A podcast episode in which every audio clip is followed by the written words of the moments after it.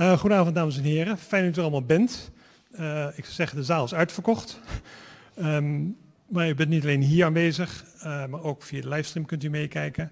Mijn naam is Arendo Joustra en als hoofdredacteur van LZ Weekblad heet ik u van harte welkom bij deze derde EW Economielezing. U heeft al gemerkt dat de coronaregels hier streng worden toegepast. Um, het, het allerbelangrijkste daarvan is dat we helaas na afloop geen borrel hebben. Dus um, dat is jammer, want daar kijkt iedereen wat naar uit om een beetje na te praten en met elkaar kennis te maken. Het enige wat u krijgt van ons is een klein flesje water en een versnapering en daar moet het mee doen. Um, het is de derde EW-economielezing. Dat betekent dat er twee voorgangers waren. En dat, uh, de eerste is gehouden door Ben van Beurden, de CEO van Shell. En vorig jaar was het uh, Peter Albers van uh, KLM. En vandaag hebben we de bestuursvoorzitter van Philips. Dat zal ik zo verder nader toelichten. De economielezing van Elsevier is eigenlijk een tegenhanger van de HJ schoollezing. Uh, de HJ schoollezing is al, bestaat al meer dan tien jaar en die hebben we eigenlijk ingesteld om het politieke jaar te openen. En die lezing wordt dan ook gehouden door, uh, nou, eens keer gehouden door uh, Rutte als premier, door een Eurocommissaris Frans Timmermans, door Edith Schippers als minister, maar ook door burgemeester Ahmed Abu Talib. Maar het is altijd een beetje het politieke geluid. Dus hoe kijkt de politiek tegen de samenleving aan? Wat is de visie van politici op de samenleving? En toen bedachten we eigenlijk, ja, dat is heel erg gedacht vanuit de bestuurders die in de politiek zitten. Maar er is ook nog één hele grote belangrijke factor in Nederland en dat is natuurlijk het bedrijfsleven. En hoe kijkt het bedrijfsleven eigenlijk aan tegen de politiek, tegen de samenleving? Wat is eigenlijk de boodschap van ondernemers als het gaat om de samenleving, Nederland, de economie en Europa? Dus toen zijn we drie jaar geleden dus begonnen met de economielezing om dat geluid van ondernemers, van bestuursvoorzitters, misschien ook van een econoom, om dat geluid te laten doorklinken. Nou, dat gaan we dus ook vanavond doen. Um, waarom nog Philips, is misschien de vraag. En voor mij sprak het vanzelfsprekend, omdat dit een coronajaar is en Philips heeft zich knap omgevormd eigenlijk de afgelopen jaren. Uh, totaal omgevormd tot een nieuw bedrijf wat zich richt op uh, de gezondheidssector. En dus ook het nieuws kwam in de gezondheidssector in het begin met volgens mij beademingsapparatuur.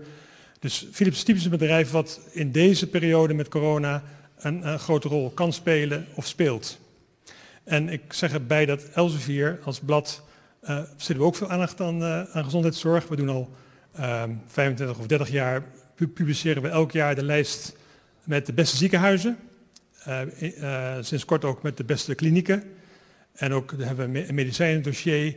Dus een beetje als de muis en de olifant kan ik zeggen, wat stampen Philips en Elsevier samen lekker hard. Um, dus dat is onze invalshoek eigenlijk om Philips te vragen dit jaar deze uh, economielezing te houden. En zoals ik al zei, die lezing wordt gehouden door de bestuursvoorzitter van Philips. En um, om iets ter toelichting te geven, hij studeerde economie en bedrijfskunde in Rotterdam kwam volgens mij toen in 1986 te werken bij Philips. Um, nou, werkte op drie continenten, zoals het gaat bij zo'n grote multinational, leidinggevende posities. Een paar keer onder andere van Philips Elektronica, voor de, ik moet eigenlijk zeggen, de, de consumentenelektronica. Hij heeft ook een paar bedrijven uh, verzelfstandigd, ging hij ook mee met die verzelfstandiging. Maar hij kwam zo 2010 kwam hij terug bij Philips. En hij is sinds april 2011 bestuursvoorzitter en heeft sinds 2011 dus het bedrijf omgevormd tot een totaal ander bedrijf wat zich echt richt op de gezondheidszorg. Dames en heren, we zijn met weinig, maar ik vraag uw aandacht en uw applaus. U moet hard klappen met, met z'n weinigen voor Frans van Houten.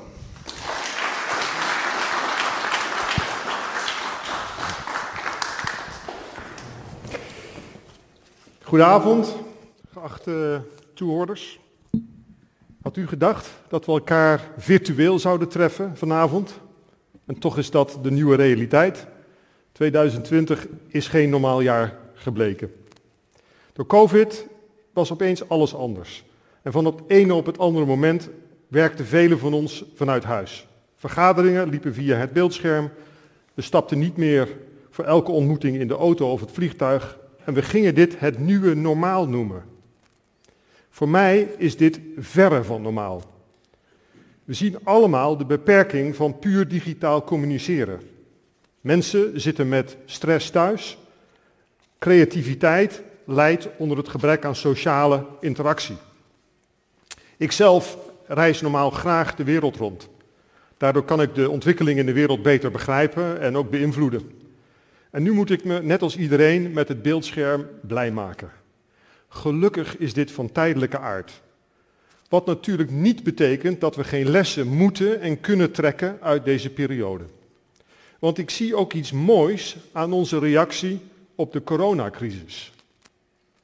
Die toont aan dat als het moet, we als samenleving snel kunnen veranderen en oplossingen kunnen vinden.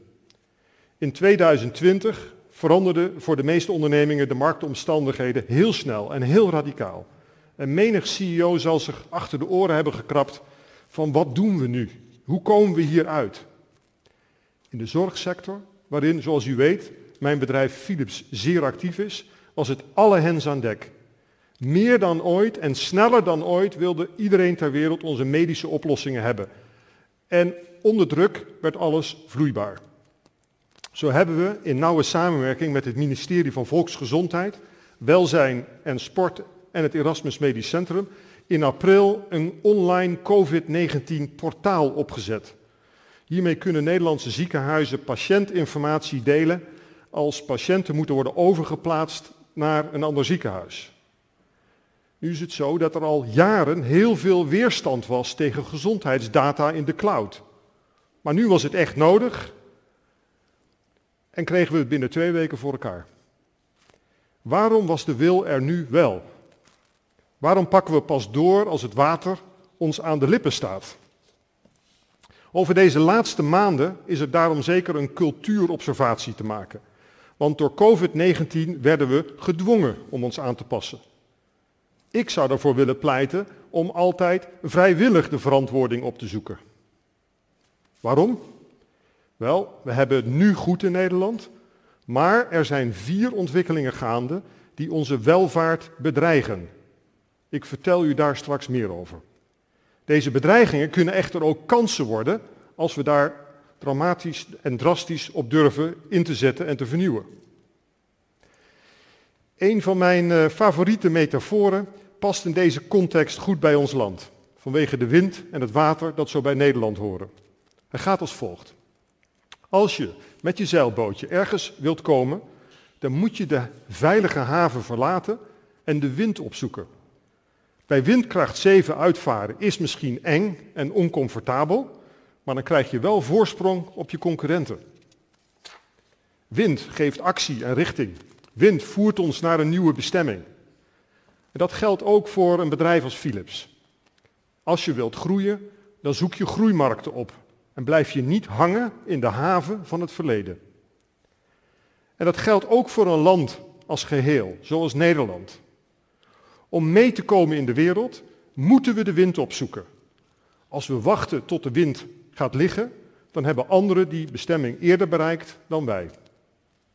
De komende drie kwartier wil ik daarom niet zozeer het mooie Philips centraal stellen, maar vooral ons land. Ik hou van Nederland. Het is een fijn land om in te wonen en voor Philips een goede thuisbasis. En met mij zijn veel Nederlanders tevreden over ons land.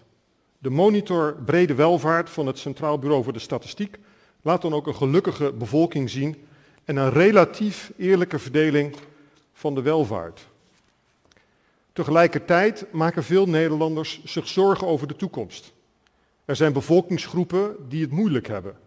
En er komt nog meer op ons af. Eén voorbeeld. Naar verwachting gaan binnen nu en tien jaar door automatisering en robotisering 700.000 kantoor- en productiebanen verloren. Dat is 8% van al onze banen in Nederland. Als ik naar de wereld kijk, dan zie ik dat de Verenigde Staten en China hun slag slaan in die veranderende toekomst. Welke concurrentiekracht zetten wij daar in Nederland tegenover? Leunen we achterover en plukken we de eindige vruchten van onze ontdekkingsreizen uit het verleden? Of gaan we juist nu opnieuw de wind opzoeken? Nu hoor ik u al zeggen, weer een CEO die over concurrentiekracht praat. En hij wil zeker ook meer groei. Mijn antwoord daarop is volmondig ja. groei is nodig om iedereen in Nederland te laten mee profiteren. Alleen dan kunnen we de verworvenheden van onze samenleving veiligstellen. Zonder groei geen geld voor onderwijs, cultuur, pensioenen, gezondheidszorg, klimaat, huizenbouw, mobiliteit. Maar we kunnen juist ook duurzaam groeien door te investeren in de sectoren van de toekomst. Bijvoorbeeld in innovaties die bijdragen aan circulaire economie, de energietransitie of onze gezondheid. En vooruit, dan wil ik nog een veel besproken en vaak omstreden punt op tafel leggen. En dit moet allemaal gebeuren in een verenigd Europa. Het is mijn overtuiging dat we een verenigd Europa nodig hebben dat zich kan meten met die twee andere economische grootmachten, de Verenigde Staten en China. We zijn nu op vele gebieden steeds afhankelijker aan het worden van de VS en China. Terwijl pas als zij Europa net zo hard nodig hebben als wij hen, zullen we een gezonde balans samen hebben. En daarin kan voor het relatief kleine Nederland een blijvend grote rol als exportland zijn weggelegd als we inzetten en uitblinken op relevante toekomstige groeigebieden. Tijdens deze lezing neem ik u daarom heel graag mee op onderzoek naar de concurrentiekracht van Nederland en Europa. Maar eerst loop ik het krachtenveld met u door dat ik eerder al noemde. Hoe zetten, hoe technologische, geopolitieke, ecologische en sociale ontwikkelingen onze huidige verdienmodellen onder druk? En daarna kijk ik graag naar de kansen. Waar zitten de groeigebieden en de verdienmodellen van de toekomst? Vervolgens leg ik ons land langs de economische meetlat. Hoe goed staat Nederland ervoor om de kansen te pakken? En tot slot, hoe kunnen we ervoor zorgen dat de concurrentiekracht van Nederland en Europa verbetert? Welke verbeteringen moeten we doorvoeren en welke mentaliteit hebben we daarvoor nodig? Dames en heren, samen innoveren is de kern van het antwoord op al deze vragen. Ik ben een optimist die altijd wil uitgaan van onze sterkte. Ik put hoop uit regionale excellentie in Nederland. Als we kijken naar een bloeiende innovatie- en exportregio als Brainport Eindhoven, dan weten we in ons land al lang wat samen innoveren inhoudt. Houd u alstublieft de gedachte aan dit succesvolle, innovatieve ecosysteem goed vast. Want eerst met, bespreek ik met u de vier grote krachten die we meester moeten worden.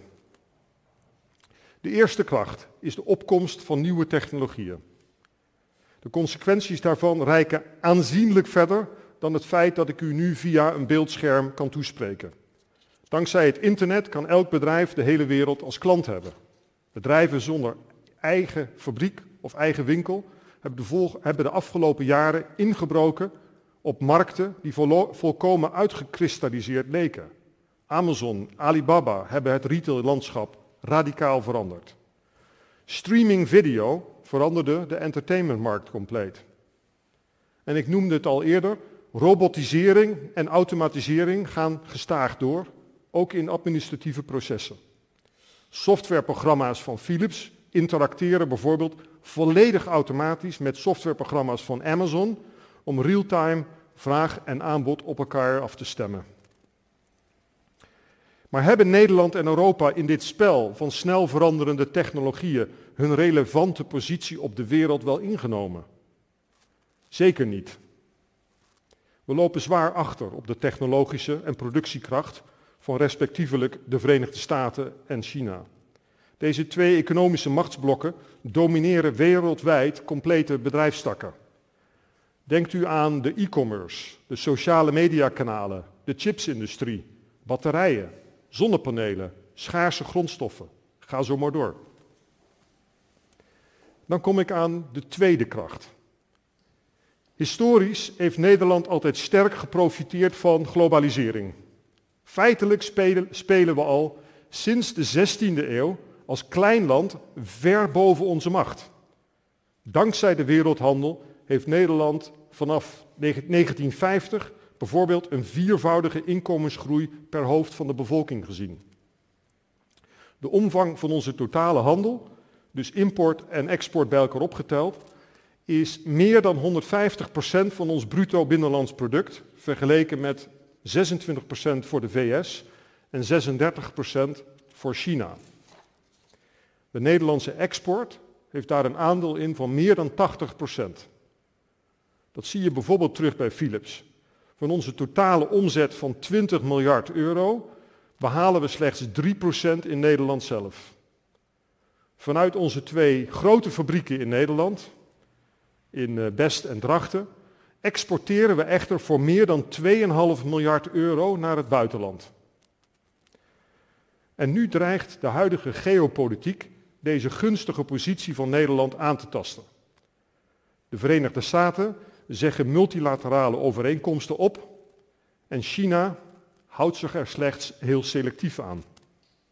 America First, Made in China 2025 zijn nu de motto's van deze grootmachten. En dat is geen goed nieuws voor Nederlandse ondernemingen en onze exportgeoriënteerde economie.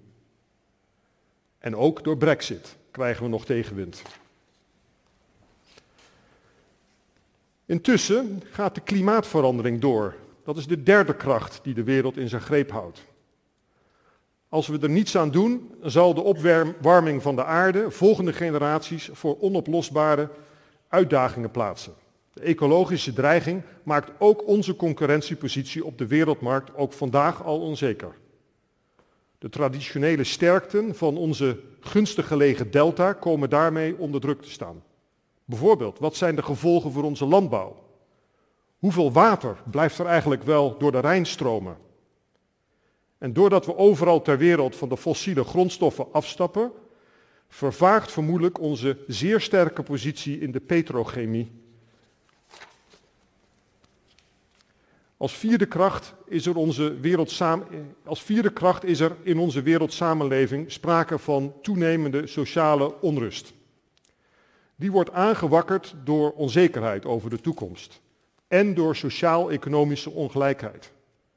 Deze ongelijkheid is in de G20-landen, de 19 grootste ter, economieën ter wereld, plus de Europese Unie, de laatste decennia toegenomen. Het aandeel van arbeid in het inkomen van deze landen is gedaald. In de, meeste westerse, in de meeste westerse samenlevingen, en met name in de Verenigde Staten, zien we daarom een groeiende kloof, zowel materieel als sociaal. Nu is in Europa en vooral in Nederland de inkomensongelijkheid in vergelijking met de VS relatief laag. Dat wil niet zeggen dat ons land geen sociale uitdagingen kent. Ook hier blijven groepen achter en zien we de kloof eerder groter dan kleiner worden. Qua sociale mobiliteit scoren we over het algemeen weliswaar goed, maar er zijn zwakke punten. Juist als het gaat om mensen met weinig opleiding of in kwetsbare beroepen. De werkloosheid onder deze groepen is ook in Nederland relatief hoog. De toegenomen ontevredenheid in Nederland is net zo begrijpelijk als zorgwekkend. Nederland is geen land zoals de Verenigde Staten. Wij willen hier geen onderlinge strijd. Dat past niet zo goed bij onze cultuur, waarin we eigenlijk elkaar willen helpen. Ook daarom moeten we ons verdienvermogen versterken, want goede sociale voorzieningen kosten veel geld. Ik beschreef u vier overweldigende krachten. We moeten ons daar echter niet door laten verlammen. Want door in de haven te blijven schuilen, blijven we stilstaan. Komen we nergens. Geachte toehoorders, ik zeg het maar even plomp verloren. Stilstand is achteruitgang. De noodzaak om te blijven bewegen zien we ook steeds sterker in het bedrijfsleven. In 1958 bestond een beursgenoteerd bedrijf in de Standards Poor's Index gemiddeld 61 jaar. Nu is dat nog slechts 18 jaar. Willen bedrijven een tweede of zelfs een derde of vierde leven beginnen, dan zullen zij zichzelf met enige regelmaat opnieuw moeten uitvinden. In Nederland is DSM een mooi voorbeeld. Van mijnbouw naar chemie naar life sciences. Ook Philips is in al 129 jaar lang doorleefd van het spel van vernieuwing en disruptie. We begonnen in gloeilampen, toen in radio's en televisies. We vonden het cassettebandje en de cd-speler uit. Maar in deze traditionele markten verloren we aan relevantie. Sinds ik in 2011 bij Philips de rol van CEO op me heb genomen, heb ik moeilijke keuzes moeten maken. We hebben onze koers verlegd om zo te kunnen winnen in de groeiende markt van gezondheidstechnologie. Winnen is kiezen en investeren. En daardoor groeit Philips nu twee keer zo snel en is het drie keer zoveel waard als in 2012. Om bij mijn metafoor te blijven, dat is nieuwe zeeën proberen, dat is nieuwe zeeën durven te bevaren om relevant te blijven. Maar, zult u zeggen, Nederland scoort toch uitstekend op alle ranglijsten als het gaat om innovatie en vestigingsklimaat. Ja, dat is zo, nu nog wel. Maar wat is de houdbaarheid van onze huidige verdienmodellen? Het is namelijk nog niet zo lang geleden dat Nederland distributieland met een seaport en een airport het motto was waar heel Nederland zich achter schaarde. Dat was de beproefde motor van onze economie. Onze gunstige ligging aan het Rijn-Maas-Delta-gebied bood een vruchtbare bodem, een ideaal logistiek knooppunt en een prettig leef- en vestigingsklimaat. Vanuit onze delta konden we het hele Europese achterland bevoorraden. Raffinaderijen en chemiefabrieken streken niet voor niets in onze havens neer. En onze voedsel en onze bloemen profiteerden niet alleen van onze klei en het milde zeeklimaat, maar ook van de 24 uur distributie die onze seaport en airport kunnen bieden. En daardoor spelen we een rol van wereldbetekenis in onder meer de landbouw, de logistiek en de petrochemie. Maar met name in de petrochemie en de logistiek is een sterke tegenwind opgestoken. De winsten in de petrochemie zijn tussen 2010 en 2019 sterk gekrompen. Dus al voor de coronacrisis. En het is de verwachting dat deze krimp tot 2023 verder doorzet. ING Bank stelt intussen dat de gedaante van Nederland als transportland verandert naar een poort van Europa, naar een logistieke hub, vooral ook vanwege de groei van de nieuwe zijderoute. Brexit en, en onze eigen stikstofregels. Ook de landbouw heeft met structurele uitdagingen te maken en vooral ten aanzien van het milieu. In welke groeigebieden kan Nederland dan zijn gunstige uitgangspositie opnieuw formuleren om daarmee toch onderscheidend te zijn in de wereld? Laat ik een paar voorbeelden noemen. Niet om per se volledig te zijn, maar vooral ook om uw gedachten te prikkelen. Onze stikstofuitstotende landbouw kan zich door technologie-innovatie transformeren naar Europa's duurzaamste hortitech en agritech regio. Aangejaagd door de kennis van de universiteiten van Wageningen en Delft. Waterstof kan op termijn de plaats van ons innemen van onze petrochemie. Juist door de aanwezigheid van onze bestaande gasinfrastructuur. Ook de circulaire economie biedt kansen op nieuwe verdienmodellen. Nu werkt slechts 9% van de wereldeconomie circulair. We moeten dus ook vol inzetten op een economie zonder afval en zonder de natuurlijke hulpmiddelen uit te putten. Dat is niet alleen een zinvol, maar ook een lucratief alternatief voor onze huidige lineaire economie. Het World Economic Forum heeft de waarde die een circulaire economie oplevert berekend op zo'n 4,5 biljoen dollar tot 2030. Of neem onze datacentra, waarvoor ons land een gunstig vestigingsklimaat biedt. Die worden nog wel eens beschimpt. Kunnen we de toegevoegde waarde van deze datacentra verhogen door vanuit Nederland de door de Europese Unie beoogde Europese cloud-infrastructuur Gaia-X te hosten? En kunnen we dan inspringen op de kans van een Europese health cloud waarmee we de biomedische innovatie kunnen aanjagen in de medical delta van Leiden, Delft en Rotterdam? Die hoge toegevoegde waarde die zien we nu al in de high-tech maakindustrie en Brainport Eindhoven is daar het mooiste voorbeeld van. In Zuidoost-Brabant ligt het bruto regionaal product 16% hoger dan het Nederlands gemiddelde. Ik zie dit allemaal als zeer interessante kansen. Maar hoe goed is ons land in staat om ze te grijpen? Laten we daarom Nederland langs de economische meetlat van het World Economic Forum aanleggen. De Global Competitiveness Index van het Forum biedt een uitstekend eikpunt voor verandering, omdat het de prestaties van landen elk jaar opnieuw becijfert. De methode richt zich bovendien op factoren die de landen in eigen hand hebben om daarmee hun positie in de wereld te verbeteren. Denk daarbij aan wet en regelgeving, publieke investeringen en eventuele handelsbarrières. Ook het bedrijfsleven speelt een belangrijke rol in dit model. Het goede nieuws is dat Nederland in 2019 in de top 5 van de Global Competitiveness Index staat. Plaats 4 op een ranglijst van 141 landen is zeker niet slecht. Met Singapore, de Verenigde Staten en Hongkong nog voor ons en op de hielen gezeten door Zwitserland, Japan en Duitsland. Maar heel opvallend, heel opvallend, juist de indicatoren die voor onze toekomst belangrijk zijn, blijven achter. Neem bijvoorbeeld onze ICT-adoptie.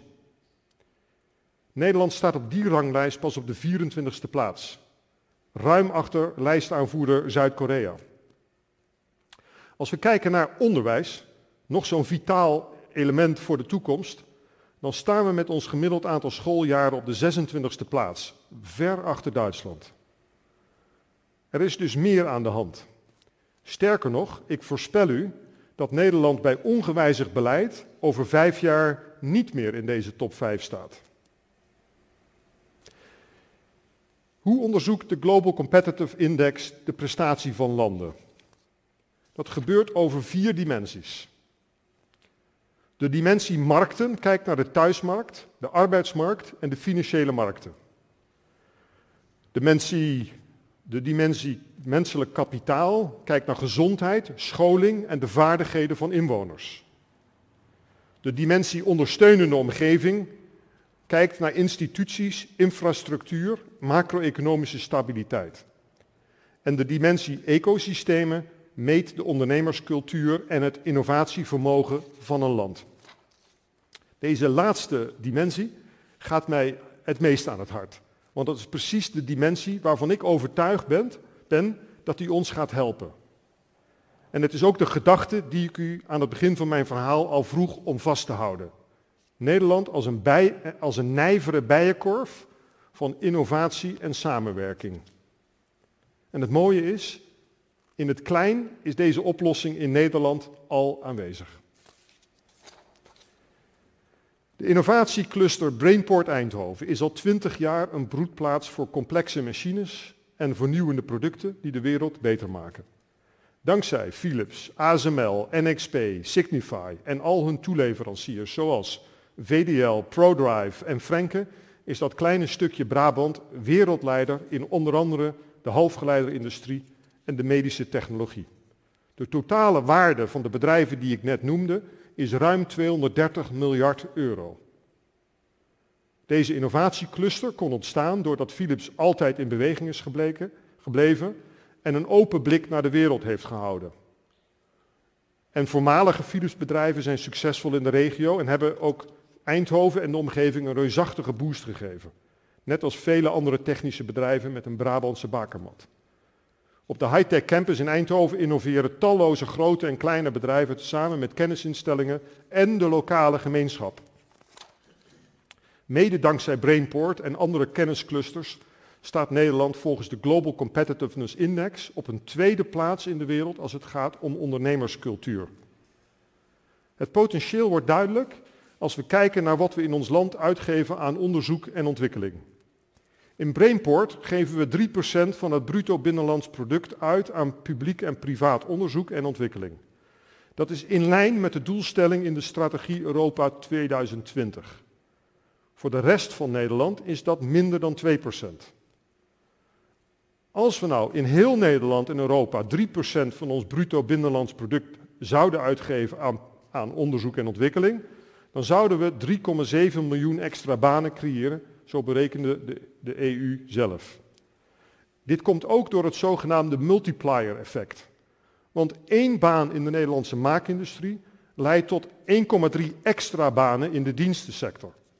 Banen trekken banen aan. Dit fenomeen zien we heel erg sterk aan de Amerikaanse westkust. Kortom, door te investeren in kennisclusters, zoals Brainport in Eindhoven en innovatiecampussen, met een ecosysteem van start-ups en scale-ups en grote bedrijven, kunnen we onze achterstand op de Verenigde Staten en China versneld inhalen. Want als Brainport Eindhoven zo goed werkt, waarom kan samen innoveren in kennis- en bedrijvenclusters dan ook niet de kern van Nederland als geheel zijn? We zien al tal van initiatieven elders in het land die kansrijk zijn. Laten we die uitbouwen door groter te denken en te acteren. Ik denk bijvoorbeeld aan een sterkere landbouw- en voedseltechnologie-cluster, waarin Delft, Wageningen en het Westland deze sector opnieuw uitvinden. In Amsterdam zien we met Booking.com, Adyen, Takeaway en bijvoorbeeld de gaming sector het begin van een sterke cluster voor cloud en informatietechnologie. Biotech Leiden en de Medical Delta Leiden, Delft en Rotterdam kunnen door zorginnovatie een wereldpositie verwerven. Als we vijf of zes succesvolle ecosystemen in Nederland kunnen realiseren, dan is onze toekomstige welvaart al een heel stuk zekerder. En daarom pleit ik voor een Nederlands innovatiebeleid dat specifiek de kansrijke groeigebieden aanjaagt. Met een duidelijke coördinatie en gunstige voorwaarden ten aanzien van investeringen in relevante ecosystemen. Daar horen ook de juiste stimuleringsmaatregelen bij om zo overheid, kennisinstellingen en bedrijfsleven leven aan te zetten tot samenwerking en innovatie. Samen innoveren. En een breed gedragen, positief ingestelde, elkaar versterkende ondernemerscultuur. Om de, om de toekomst van Nederland zeker te stellen, moeten we nu groot denken en fors investeren. En het Nationaal Groeifonds is daarvoor een goed begin. Welke omstandigheden moeten we dan creëren om al onze innovatieve ecosystemen tot een groot succes te maken? En hoe veranderen we heel Nederland vervolgens in de innovatieregio van Europa? Hoe bestendigen we dit succes, zodat we uiteindelijk ons doel bereiken? En daarvoor kijk ik graag samen met u naar de drie overige dimensies van het Global Competitiveness Index. En laten we beginnen met de dimensie markten. Ik heb het al gezegd, Nederland is een klein land. En toch spelen we in de Champions League. In het verleden deden we dat als distributieland. Ik zei het u al, daar begint de motor te haperen. Maar door ons te wapenen met innovatieclusters kunnen we in de top blijven meedraaien. Maar wat onze exportpositie altijd heeft geholpen, zijn de wereldwijde multilaterale afspraken die het mogelijk maken dat we 80% van ons bruto binnenlands product exporteren. De WTO-afspraken staan echter nu onder druk door America First en Made in China 2025. En dan moeten we vaststellen dat we dit als klein land niet alleen zelf kunnen oplossen. Mede dankzij hun reusachtige thuismarkten en veel investeringen hebben de Verenigde Staten en China momenteel een grote technologievoorsprong op Europese landen. En in de wereld hebben we wat mij betreft ook een sterk Europa nodig. Daarvoor moeten we groot denken en vooral niet ieder voor zich, vasthoudend aan eigen identiteit en verworvenheden aan het verleden. En niet doorgaan met een markt die sterk is versnipperd door taal en regelgeving. Door onze kleine thuismarkt loopt Nederland achter op bijvoorbeeld een gebied als kunstmatige intelligentie, artificial intelligence of AI, de cloud, digitale dienstverlening. In de afgelopen vijf jaar werd in Nederland 217 miljoen euro geïnvesteerd in AI-bedrijven.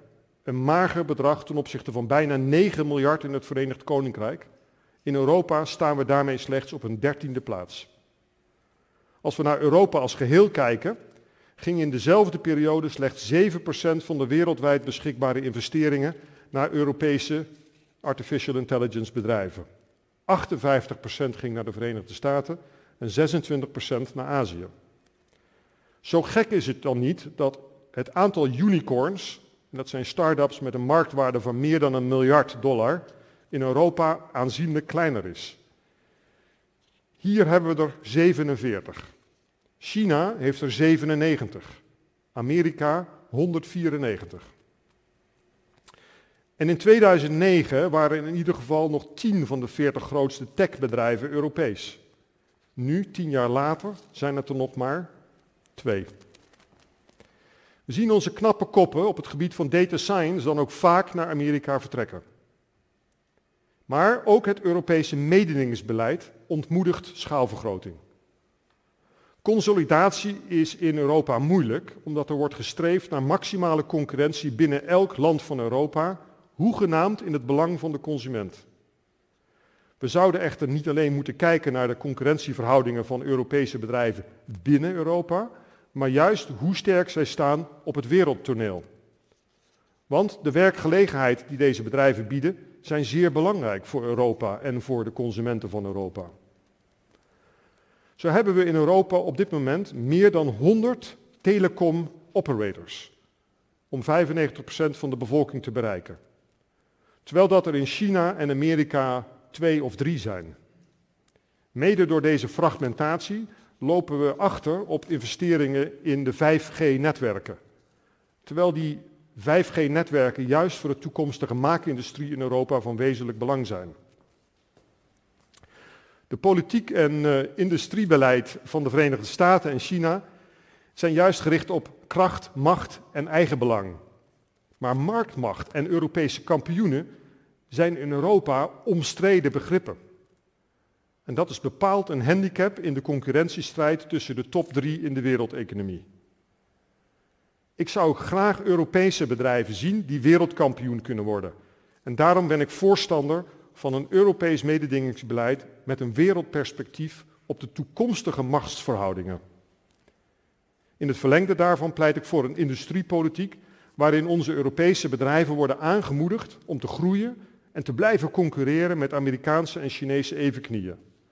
Want pas als we sterke Europese bedrijven creëren met unieke sterktes, kunnen we een wederkerige afhankelijkheid tussen de drie grootste economie, economieën van de wereld tot stand brengen en handhaven. Daar heeft overigens niet alleen Europa baat bij, maar wat mij betreft de hele wereld. Daarmee kom ik bij de volgende dimensie van de Global Competitiveness Index, die van menselijk kapitaal.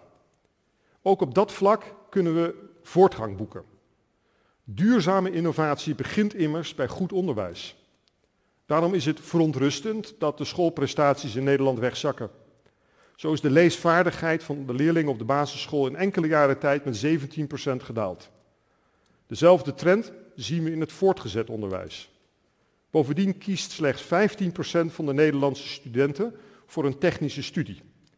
In de landen van de Organisatie voor Economische Samenwerking en Ontwikkeling, de OESO, e ligt dat cijfer op 26%.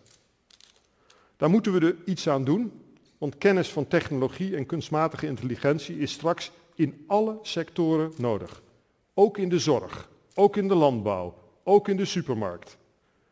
Om u een idee te geven, 3 miljoen werknemers hebben in Nederland de komende 10 jaar behoefte aan bijscholing in digitale vaardigheden. Recent heeft gelukkig de Nederlandse Artificial Intelligence Coalitie het licht gezien. Een publiek-private samenwerking die een ambitieus investeringsprogramma heeft ingediend bij het beoogde Nationale Groeifonds. Door automatisering en robotisering zullen in de komende jaren banen verdwijnen, vooral in kantoor- en productiefuncties. Hoe gaan we al die mensen opnieuw op de arbeidsmarkt brengen? De huidige flexibilisering van de arbeidsmarkt staat vaak aan kritiek bloot. En de reactie daarop is deels het terugdraaien van de doorgeschoten flexibilisering. Maar wat mij betreft is de flexibilisering niet het probleem. Misschien wel de inkomensverschillen, maar vooral de ongelijke kansen en de onzekerheid die erdoor ontstaan. In mijn optiek is arbeidsmobiliteit juist essentieel. We moeten mensen die hun banen verliezen helpen met omscholing. Inkomensondersteuning en een opleidingsbudget zijn betere methodes om het marktfalen te corrigeren en kwetsbare groepen opnieuw kansrijk te maken dan het restrictieve beleid op flexibilisering. Goed onderwijs is ook essentieel voor onze arbeidsproductiviteit. Dat is een nuttige maatstaf voor concurrentiekracht, want arbeidsproductiviteit meet eigenlijk hoeveel waarde een gewerkt uur oplevert. In de Europese Unie ligt dit cijfer meer dan 30% lager dan in de Verenigde Staten. Een uur werk in Europa levert gemiddeld dus veel minder op dan een uur werk in Amerika. Nederland doet het met 90% van het Amerikaanse niveau, significant beter dan het gemiddelde in Europa, maar dus nog altijd slechter dan de Verenigde Staten. En de trend in Nederland is volgens de OESO e dalende. In 2001 was het nog 94%. Ook hier kunnen innovatieclusters een belangrijke rol spelen, want de productiviteit in hoogwaardige ecosystemen ligt zo'n 25% hoger dan buiten die clusters. Ik pleit dan ook voor meer investeringen in het onderwijs. Specifiek voor een verdubbeling van de technische onderwijscapaciteit en voor een onderwijsvernieuwing. Waarbij we digitale lesmethoden versneld invoeren, zodat leraren meer tijd en aandacht kunnen geven aan de ontwikkelingsbegeleiding van kinderen. Daarnaast moeten we voorkomen dat er groepen jongeren ontstaan die hun school niet afmaken en geen aansluiting krijgen op de arbeidsmarkt. Ik ben wat dat betreft gecharmeerd van het Duitse meester-gezel-model en zou heel graag veel meer stageplaatsen willen zien. Onze mbo's en ROC's zouden daarmee hun relevantie voor de samenleving aanzienlijk kunnen verhogen. Voor mij gaat onderwijs trouwens over meer dan school en de juiste vervolgopleiding op jonge leeftijd. De wereld verandert inmiddels te snel om een heel werkzaam leven te teren op één periode van onderwijs. Om die reden hebben we behoefte aan een onderwijspolitiek waarin een leven lang leren centraal staat. Bijvoorbeeld voor veertigers die een carrière switch willen maken. En vooral voor de omscholing van mensen met vaardigheden die we straks niet meer nodig hebben. Elk jaar aan extra onderwijs voor de hele beroepsbevolking leidt tot een toename van 10% van ons bruto, nationaal, bruto binnenlands product. Steken we die extra kennis vervolgens in onderzoek en ontwikkeling, dan levert elke euro aan het einde van de rit 4,5 euro op. Dat is een rendement waar iedere CEO voor zou tekenen. Tegelijk moeten we ook niet bang zijn om voor kennis over de grens te kijken en de beste mensen naar Nederland te halen. Ik denk daarbij bijvoorbeeld aan de 30%-regeling, waarbij werkgevers 30% van het loon onbelast mogen uitbetalen als vergoeding voor de kosten die deze mensen maken voor het verhuizen naar en werken in ons land. Het positieve resultaat zien we bij de duizenden high-tech kennismigranten die werkzaam zijn in Brainport Eindhoven. Wat voor ons menselijk kapitaal minstens zo belangrijk is, en toepasselijk vanavond, is onze gezondheidszorg. Met de gezondheidszorg kunnen we een positieve invloed uitoefenen op onze gezondheid en ons levensgeluk. Mede door de voortgang in de zorg, waarin technologie een steeds belangrijke rol speelt, hebben we in, de 21ste eeuw onze levensverwachting met bijna vier jaar verlengd. Velen van ons kunnen ondanks een chronische aandoening een goede kwaliteit van leven hebben. Maar de coronapandemie heeft ons ook geleerd dat we zorgsystemen robuuster moeten maken en moeten doorpakken op nieuwe zorgmodellen om de zorg zo breed mogelijk toegankelijk en betaalbaar te houden. Ik zie de gezondheidszorg helemaal niet als een kostenpost die je gaat minimaliseren, maar juist als een investering die je moet optimaliseren. Investeringen in de zorg laten zich viervoudig uitbetalen. Gezonde mensen vallen immers minder gauw uit het arbeidsproces, wat sterk ten goede komt aan onze productiviteit en welvaart. En met medische innovaties in de preventieve zorg en zorg op afstand zijn fantastische ontwikkelingen mogelijk die hier enorm aan zullen bijdragen. Dames en heren, dan kom ik nu bij de laatste dimensie van het Global Competitiveness Index, die van de ondersteunende omgeving. Daarin scoort Nederland schijnbaar goed, want we hebben een prettig leefklimaat, mooie wegen en zorgvuldig werkende instituties. Maar ook hier zit volop verbeterpotentieel. U herinnert het zich vast nog, als het gaat om ICT-adoptie staat ons land op een magere 24ste plaats. Met 5G en cloud-applicaties moeten we een inhaalslag maken om ons terug te brengen in de top 10 van de wereld. Dat is noodzakelijk, want bij een florerende kenniseconomie past alleen de beste digitale infrastructuur. Het is daarnaast zaak om ook onze fysieke infrastructuur te verbeteren. Want als ik pleit voor economische groei en meer mensen die in Nederland komen werken, moeten we ook de krapte op de woningmarkt en de fileproblematiek structureel aanpakken. Wat als we nu wel zouden investeren in hoge snelheidsverbindingen tussen Oost- en West-Nederland, tussen Noord- en West-Nederland, zodat we krimpgemeenten daar nieuw leven in kunnen blazen en enkele honderdduizenden huizen kunnen bouwen in een mooie leefomgeving. Ik stel me dan voor dat mensen ten dele thuiswerken en deels via hoge snelheidsverbindingen naar hun kantoren, maar ook naar de labs komen voor essentieel creatief samenwerken. Dan benutten we heel Nederland, waarin de economische groeikernen in goede balans zijn met woon- en natuurgebieden en waarbij alle provincies kunnen meeprofiteren van de groei. Groeien is ondernemen. Voor ondernemerschap is het, belang, is het van belang dat we de regelgeving in ons land simplificeren, defragmenteren en van de juiste incentives voorzien. Ook die noodzaak zien we terug op de meetlat van de Global Competitiveness Index. Wij zijn op de 55ste plaats te vinden als het gaat om de kosten die je maakt als je een bedrijf wilt beginnen. Qua interne arbeidsmobiliteit staan we op de 71ste plaats. En op hetzelfde vlak van fragmentatie kom ik ook opnieuw uit bij het onderwerp Europa. Europa is nog altijd een puzzel met duizend niet passende stukjes. 83% van de Europese bedrijven vreest de administratieve complexiteit zodra zij de landsgrenzen oversteken. Meer nog dan de taalbarrière die 45% van de bedrijven als een lastig te nemen horde ziet. Door een gebrek aan geharmoniseerde regels, pan-Europese dienstverleners en een pan-Europees digitale infrastructuur handelen EU-landen maar, handelen EU-landen maar half zoveel met elkaar als de Amerikaanse staten onderling. De, European Roundtable for Industry, waarin 57 toonaangevende Europese techbedrijven zich hebben verzameld, signaleerde eerder dit jaar niet voor niets dat Europa op het vlak van industriepolitiek en harmonisatie diverse malen een valse start heeft gekend. Tegelijk, tegelijkertijd gloort er wel hoop aan de horizon. De nieuwe industriële strategie voor Europa die de EU in maart van dit jaar lanceerde, is in aanzet een enorme stap naar voren. Daarin staan mooie voornemens in alle richtingen die ik reeds schetste.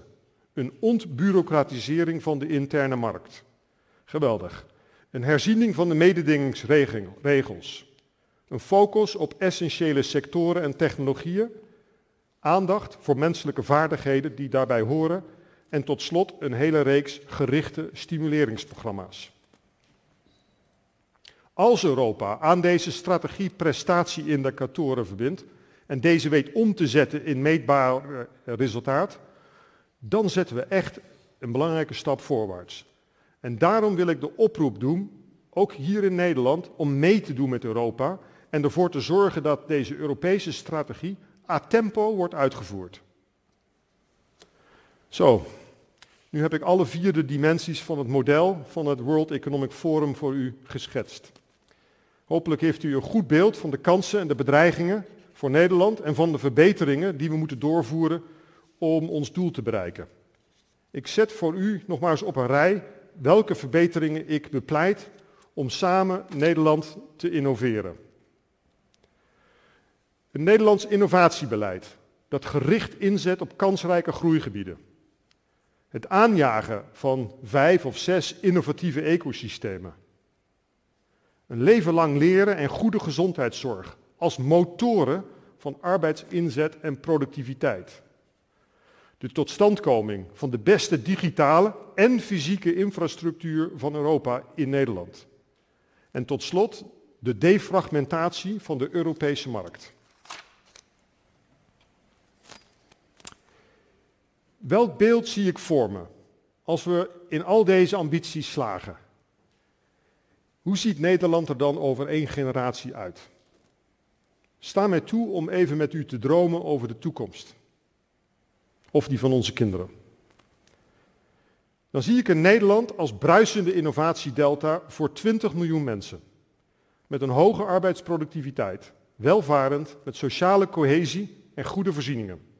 Waar we genieten van natuur en cultuur. Net zo dynamisch als New York, net zo actief als Shanghai. Maar met meer lucht en een groter groen hart. En met het levensgeluk dat je van een Europese metropool mag verwachten. Een Nederland waarin we vast kunnen houden aan de diversiteit van culturen en ethisch en verantwoord ondernemen.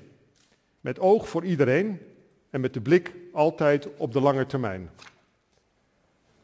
Dan zie ik kortom een Nederland dat zijn kansen heeft gepakt en zich heeft getransformeerd tot de duurzaamste economische motor ter wereld. Met een sleutelpositie op het Europese continent dat de concurrentie aan kan met de VS en China. Op basis van alle elementen die we eigenlijk al in het klein in Brabant koesteren, maar die we over heel Europa en Nederland zouden kunnen uitspreiden. Dat is het plan. Maar dan moeten we het nog wel doen. Want zo kijk ik er als een CEO naar. Binnen Philips zeggen we altijd, de strategie is maar 20%. De uitvoering en het meten van de impact, dat is 80%. Dat is veel moeilijker.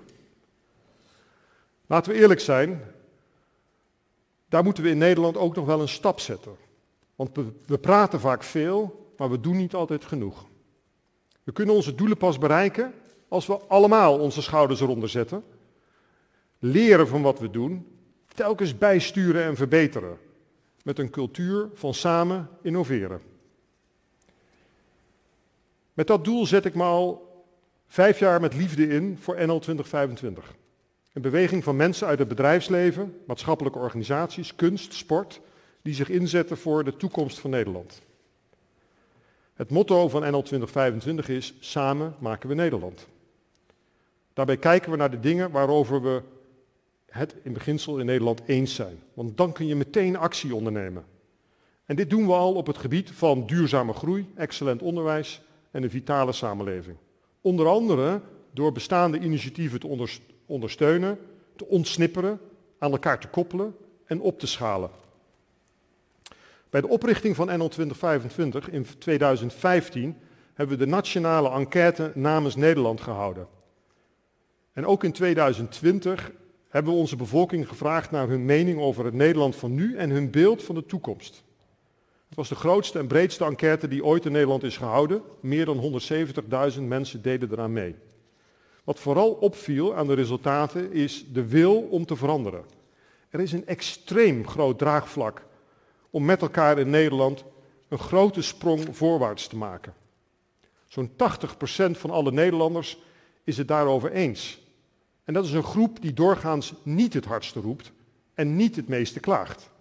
Laten we luisteren naar die groep en niet alleen maar op de verschillen die door de, door de flanken worden genoemd. Sterker nog, die brede middengroep wil zelf de handen uit de mouwen steken door meer te werken, tot vier uur meer per week. En dan kunnen we tezamen 10% meer belasting opbrengen. Dat is goed nieuws. Precies wat we nodig hebben om de verdienmodellen van Nederland opnieuw uit te vinden en de nodige investeringen te doen. Natuurlijk, dit gaat tijd kosten. Ook Brainport had 20 jaar nodig om te groeien tot zijn huidige vorm. Maar het begin is er. En dat komt omdat de wil er is. Nu moeten we er meer van maken dan alleen bereidheid. En niet pas veranderen als het water aan de lippen staat, zoals nu in de coronaperiode. We moeten altijd willen veranderen. En met een can-do mentaliteit ben ik ervan overtuigd dat we net zo hard kunnen groeien als China. Maar dan op een verantwoorde en duurzame manier die bij Nederland en bij Europa hoort. Daarom vraag ik u, doe mee. Werkt u bij de overheid? Stimuleer dan het ontstaan en de groei van meer broedplaatsen zoals Brainport. Bent u ondernemer? Investeer, innoveer, werk samen, groei. Bent u kennisinstelling of investeerder? Durf het dan aan om start-ups en scale-ups van Nederland te doen groeien en tot unicorns te maken. Hebt u een knappe kop? Ga techniek studeren en laat uw talent in een innovatiecluster tot zijn recht komen. Of bent u goed met uw handen? We hebben heel veel doeners nodig om de investeringen in de innovatieclusters, maar ook in die grote infrastructuur van Nederland te realiseren. En ik? Wat doe ik zelf, zult u misschien vragen? Ik noemde al mijn inzet voor NL 2025. Ik steek onder meer tijd in het coachen van innovatieve ondernemers in het midden- en kleinbedrijf, om hen te helpen te groeien, te exporteren. Dames en heren, als optimist geloof ik er stellig in, met denkers, met aanpakkers, met investeerders. Samen lukt ons het. De kansen liggen er. Het is aan ons om ze te pakken. Alles draait erom om een plan te maken, het eens te zijn en het in de komende jaren consequent uit te voeren. Door samen te innoveren creëren we een sterk Nederland in een verenigd Europa. En zo kan ons kleine land ook straks Champion League in de wereld blijven spelen.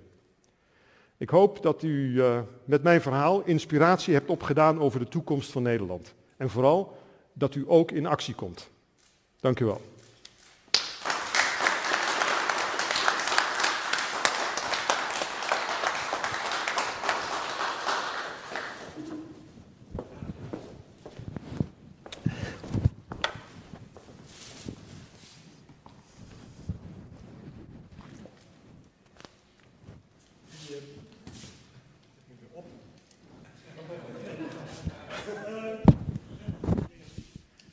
Zeer veel dank, wat een inspirerend verhaal was dat. Um, ook de oproep om in actie te komen, dat is natuurlijk al wat eh, minder misschien.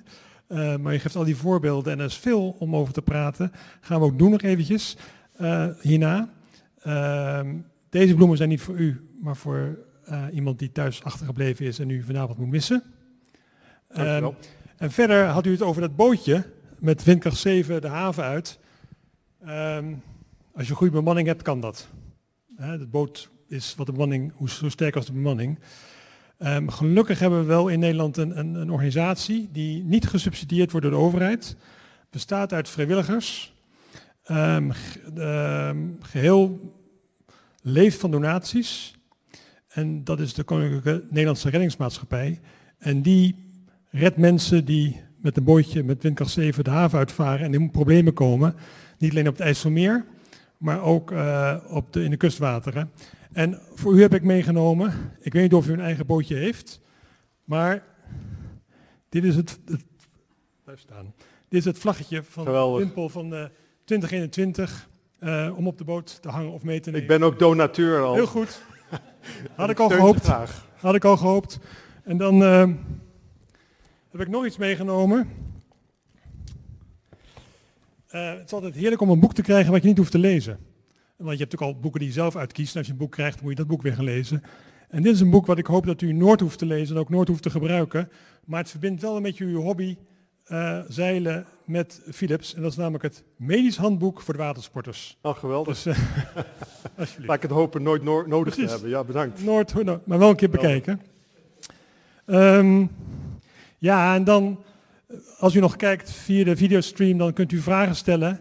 Uh, Matthijs krijgt die vragen binnen. Matthijs, wat is het ook alweer de, de, het nummer? Dat is hier, geloof ik.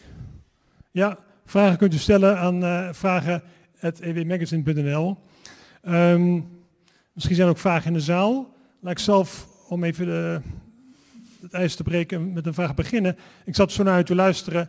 Uh, en omdat ik ook had verteld dat de, dit een beetje de tegenhanger is van de schoollezing schoollezing waar de, waar de politiek spreekt en hier spreekt dan het bedrijfsleven. En ik neem aan dat u niet alle verkiezingsprogramma's heeft gelezen, maar straks is de formatie na 17 maart. Als u dat hele verhaal van u nou niet samenvat, maar wat verwacht u dan, wat hoopt u dan dat er straks in de formatie wordt opgenomen in de stukken, wat een beetje tegemoet komt aan het hele programma wat u nu heeft uh, uitgespeeld voor de politici? Kijk, ik heb gezegd, winnen is kiezen.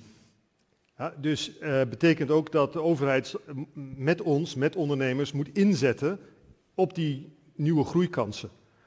En niet vasthouden aan het verleden. Dus ik, ik, hoop en ik verwacht ook van politieke partijen dat ze moedig zullen acteren. En het is best wel moeilijk om uh, in de politiek te zijn. En ik, ik, ik, heb daar heel veel sympathie voor, want het is een hele belangrijke baan. Um, maar je kunt het niet iedereen naar de zin maken. Als er keuzes gemaakt moeten worden om te investeren in groeigebieden die pas over vijf jaar misschien resultaat laten zien, dan moet je het ergens anders misschien ook wel wegnemen. en je moet ook verwachten dat iedereen zijn bijdrage levert. Dus het is helemaal niet makkelijk om in de politiek te acteren. Maar met een, een, een, helder, een heldere visie, met, met elkaar de, de krachten verbindend, kunnen we heel ver komen. En dat is natuurlijk waar ik vanavond over gesproken heb. Maar het is voor een bedrijf soms makkelijker om, om, om keuzes te maken en om te winnen dan voor, want u, hè, u zit dan voor het lange termijn en de politiek is toch vaak misschien wat meer de korte termijn. Ja, dat is, dat is zeker geen sinecure. En, uh, maar ik denk ook dat we moeten samenwerken en dat we allemaal moeten uitleggen waarom we moeten veranderen.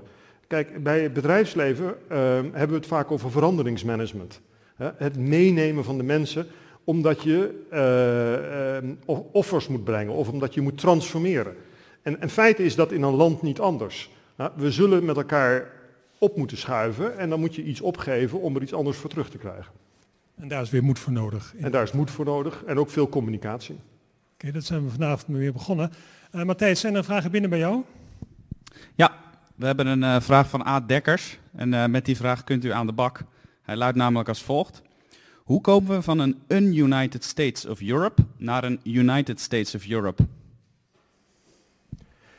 Ja, dat begint met uh, het willen. Ja? En ook in Nederland willen we graag profiteren van een goed Europa, maar zijn we niet bereid ook om een deel over te dragen voor de beleidsvorming en de governance van Europa. Nou, dus voor verenigd Europa zullen we ook moeten accepteren dat sommige beleidsmaatregelen door Europa moeten worden gedaan. En misschien ook niet uh, uh, met unanimiteit van alle deelstaten, want het duurt veel te langzaam. Uh, dus ik denk dat er wel iets mag veranderen in de governance van Europa. Um, wat helemaal niet hoeft in te houden dat we hier in Nederland niet zelfstandig kunnen innoveren. want er is meer dan genoeg ruimte voor. Dus uh, ik hoop dat we met elkaar accepteren dat een Verenigde Staten van Europa ook betekent dat er een federale overheid gaat komen. Is er ook een vraag in de zaal hier? Ik heb hier een microfoon, ik kan ook naar u toe komen lopen.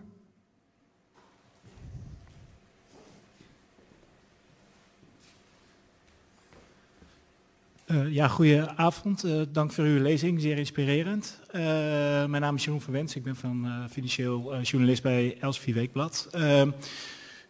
U gaf al aan dat ja, de, de, politiek moet keuzes maken. Een van de zaken waarop ja, de politiek niet echt keuzes maakt, al jaren niet, is het arbeidsmarktdossier. U zei al daarover van ja, daar moet toch nog veel aan gebeuren. Hè. Flexibilisering is niet zozeer het punt, maar we moeten toch de arbeidsmarkt wat anders inrichten.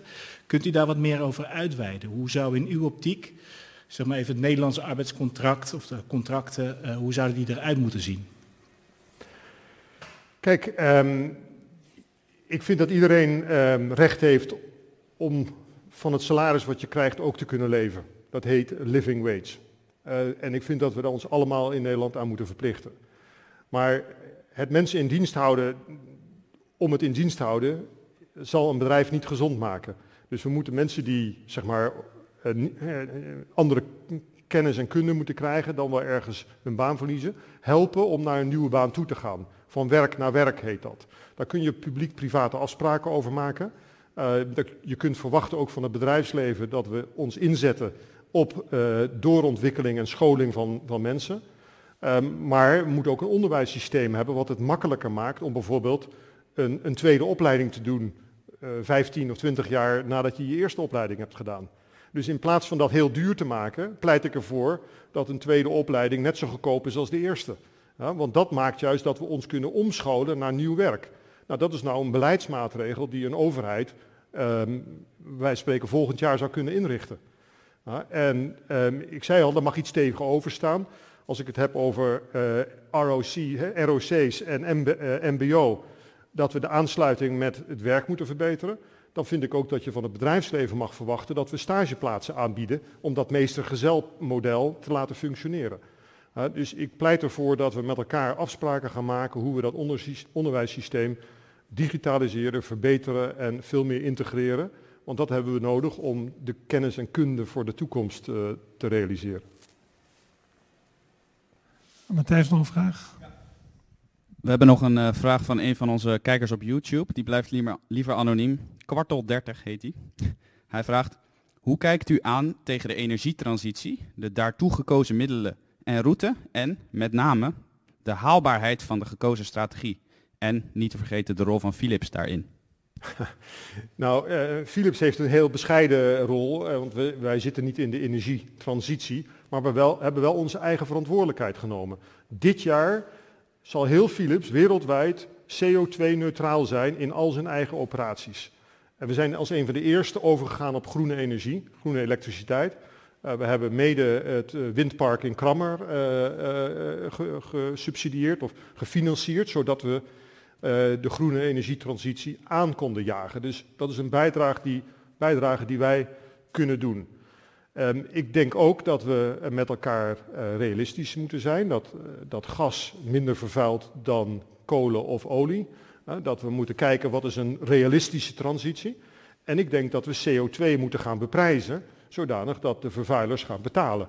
en dat we op die manier versneld zowel inkomsten krijgen door de vervuilers, maar ook kunnen investeren in de vergroening van uh, de energievoorziening.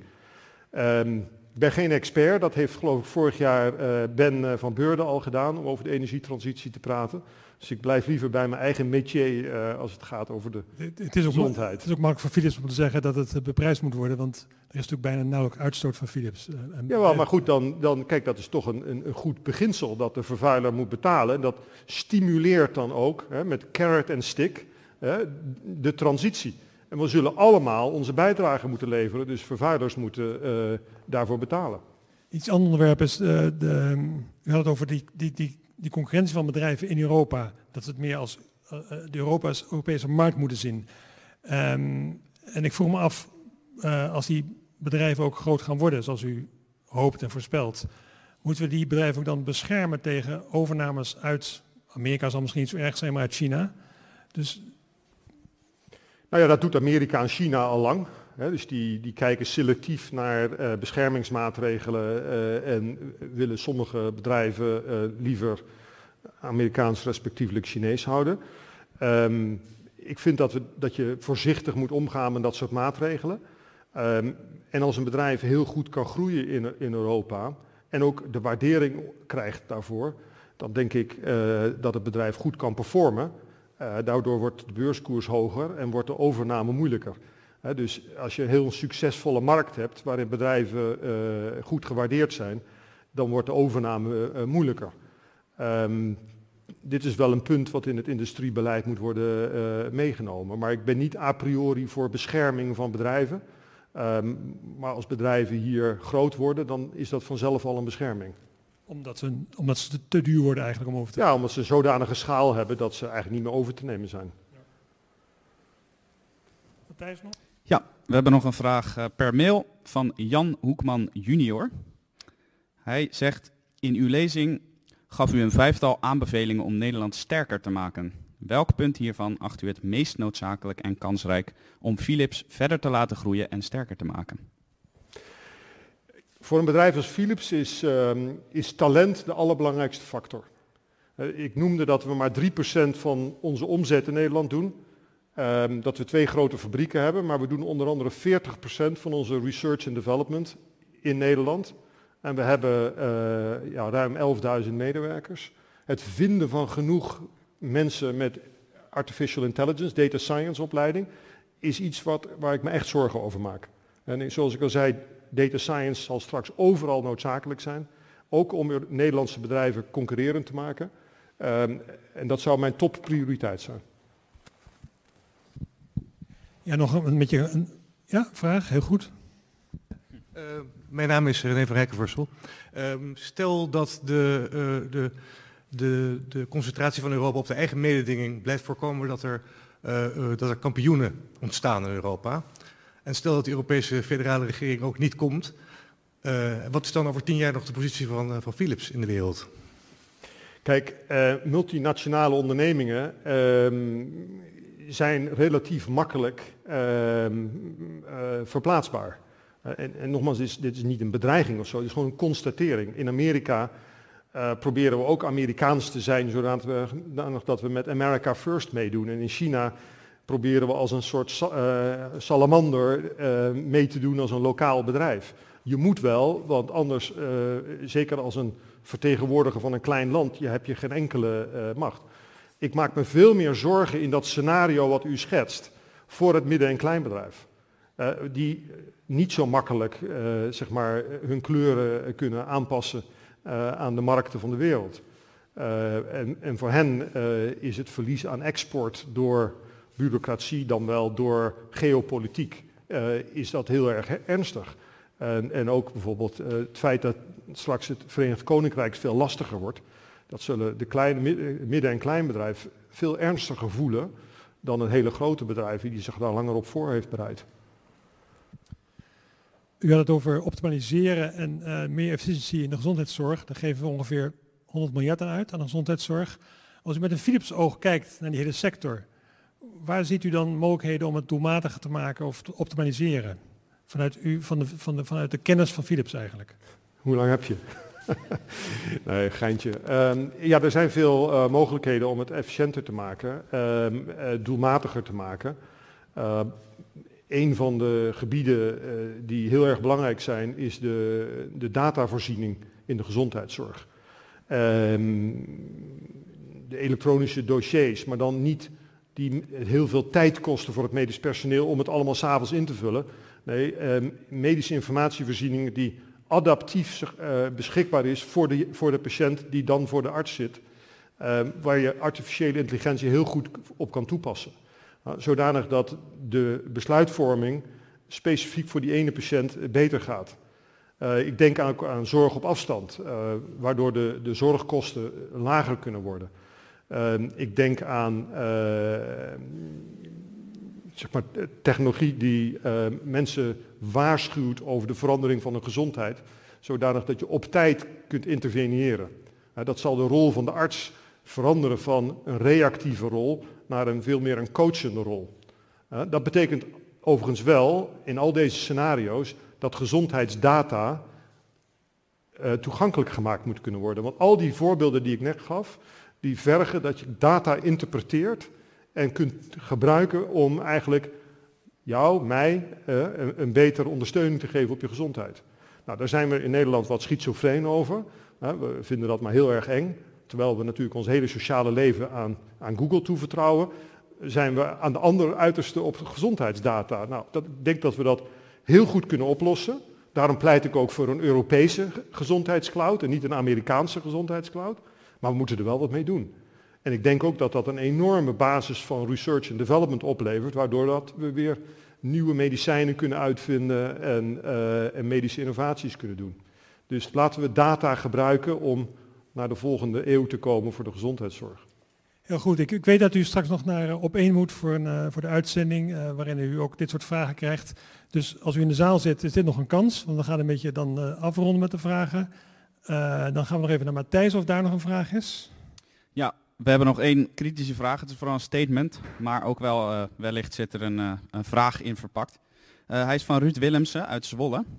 En hij zegt, ik vind dat de EU minder snel moet overgaan op boetes voor Europese bedrijven. En hij noemt als voorbeeld de, de Schumel-boetes met diesel. En hij zegt, alle miljarden boetes die de EU oplegt, kunnen dan niet geïnvesteerd worden in bijvoorbeeld innovatie bij autobedrijven. En hij stelt een wellicht wat retorische vraag, hoeveel boetes zijn er opgelegd aan China? Ja, als je, als je het zo bekijkt, kan ik me voorstellen uh, dat je je opwindt over het speelveld wat niet gelijk is. Uh, ik denk dat de vraagsteller eigenlijk observeert dat we wereldwijd geen level playing field hebben. Maar dat mag nooit leiden tot het breken van de wet. Uh, en dat is wat er bij de diesel Schumel is gebeurd. Dus dat zijn toch bedrijven die willens en wetens de waarheid hebben verdraaid. Dus dat is van een hele andere orde dan de wens om een level playing field te hebben waarop concurreren eerlijk is. Dus ik denk wel dat we met elkaar moeten afspreken dat we met elkaar uh, integer en eerlijk functioneren, opereren, concurreren.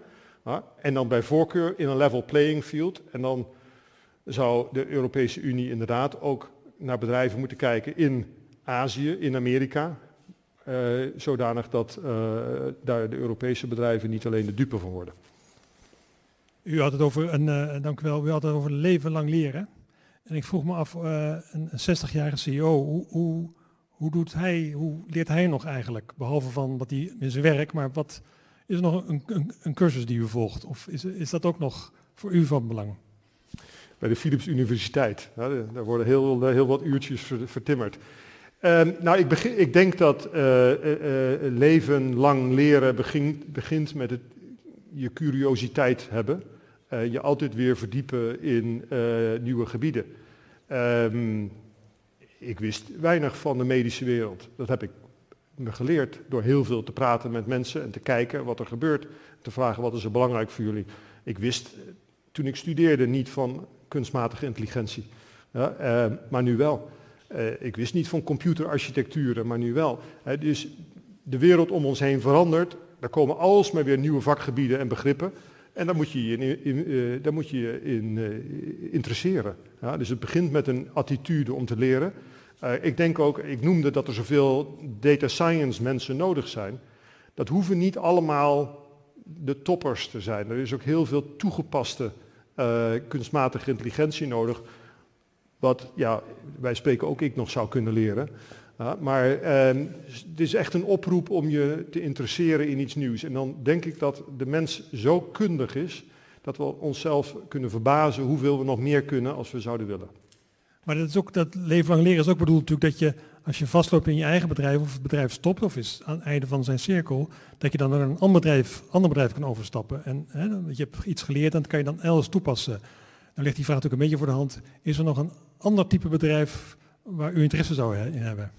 Oh, ikzelf? Ja. Ik ben nog zo druk bezig bij Philips, dat komt niet eens in me op. Um, dat is het, volgens mij het goede antwoord dan.